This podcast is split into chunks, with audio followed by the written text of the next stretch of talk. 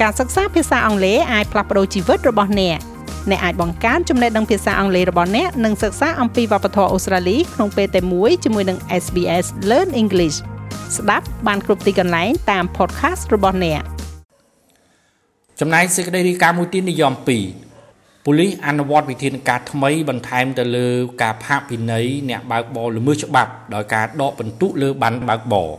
ចាប់តាំងពីថ្ងៃទី1ខែកញ្ញា ប៉ូលីសក្នុងប្រទេសកម្ពុជាបានអនុវត្តវិធានការថ្មីបន្ថែមលើការផាកពិន័យជាប្រាក់ទៅលើអ្នកបើកបរល្មើសច្បាប់ដោយការដកពិន្ទុលើប័ណ្ណបើកបរវិធានការថ្មីនេះធ្វើឡើងក្នុងគោលបំណងរឹតបន្តឹងនៅការអនុវត្តច្បាប់ចរាចរណ៍ផងនិងដើម្បីកាត់បន្ថយគ្រោះថ្នាក់ចរាចរណ៍នៅក្នុងប្រទេសកម្ពុជាផង ការដកបន្ទុបានបើកបរនិងការផាកពិន័យអន្តរការចំពោះអំពើល្មើសច្បាប់ស្តីពីចរាចរណ៍ផ្លូវគោកត្រូវបានអនុវត្តដោយឧបករណ៍បច្ចេកទេសដើម្បីកត់ត្រាព័ត៌មានរក្សាទុកក្នុងប្រព័ន្ធ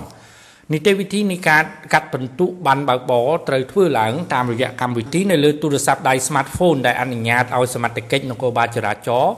ដកបន្ទុបានបើកបរដោយស្វ័យប្រវត្តិនិងជូនដំណឹងទៅកាន់ស្ថាប័នចេញបានបើកបរនិងម្ចាស់បានដែលប្រព្រឹត្តខុសទៅនឹងច្បាប់ចរាចរណ៍ផ្លូវគោក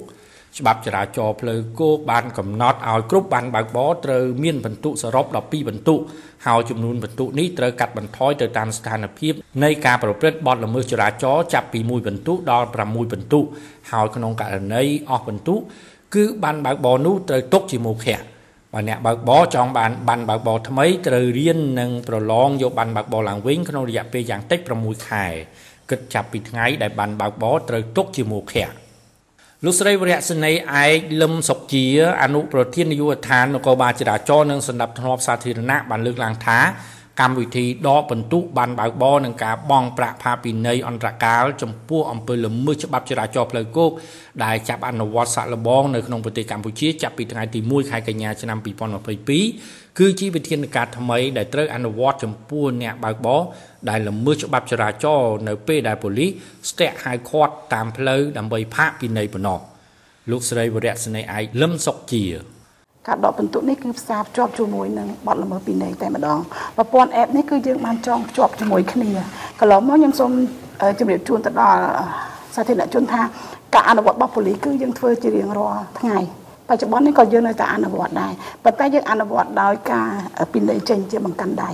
ដំណើរការសាកល្បងនេះគឺយើងប្រើប្រព័ន្ធបច្ចេកវិទ្យាមួយដែលយើងមាន app បញ្ចូលគ្នារវាងក្រសួងសាធារណការនិងក្រសួងមហាផ្ទៃគឺការពិន័យហ្នឹងបុកផ្សារភ្ជាប់ជាមួយដកបន្ទុកតែម្ដងអញ្ចឹងនៅពេលដែលការអនុវត្តរបស់មន្ត្រីនគរបាលចរាចរណ៍គាត់នឹងប្រើម៉ាស៊ីនឧបករណ៍មួយនេះគឺពិន័យនឹងគោលដៅដែលគាត់ដាក់រឹតបន្តឹងអនុវត្តច្បាប់អញ្ចឹងនៅពេលដែលគាត់ធ្វើការពិន័យនេះគាត់នឹងស្កែនទៅលើប័ណ្ណបើកបរដែលក្រសួងសាធារណការបានចេញទាំងប្រមាណប្រភេទទាំង QR code ទាំង zip code នឹងអញ្ចឹងនៅពេលដែលគាត់ស្គាល់ហើយគាត់ធ្វើការរើសបាត់ល្មើសនៅក្នុងប្រព័ន្ធនេះតែម្ដង ហើយនៅក្នុងនោះគឺយើងចងប្រព័ន្ធហ្នឹងគឺមានតាំងពីបាត់ល្មើសជាមួយនឹងថវិកាទឹកប្រាក់ដែលទៅគាត់ពីណីគឺយើងយោងតាមអនុក្រឹត្យលេខ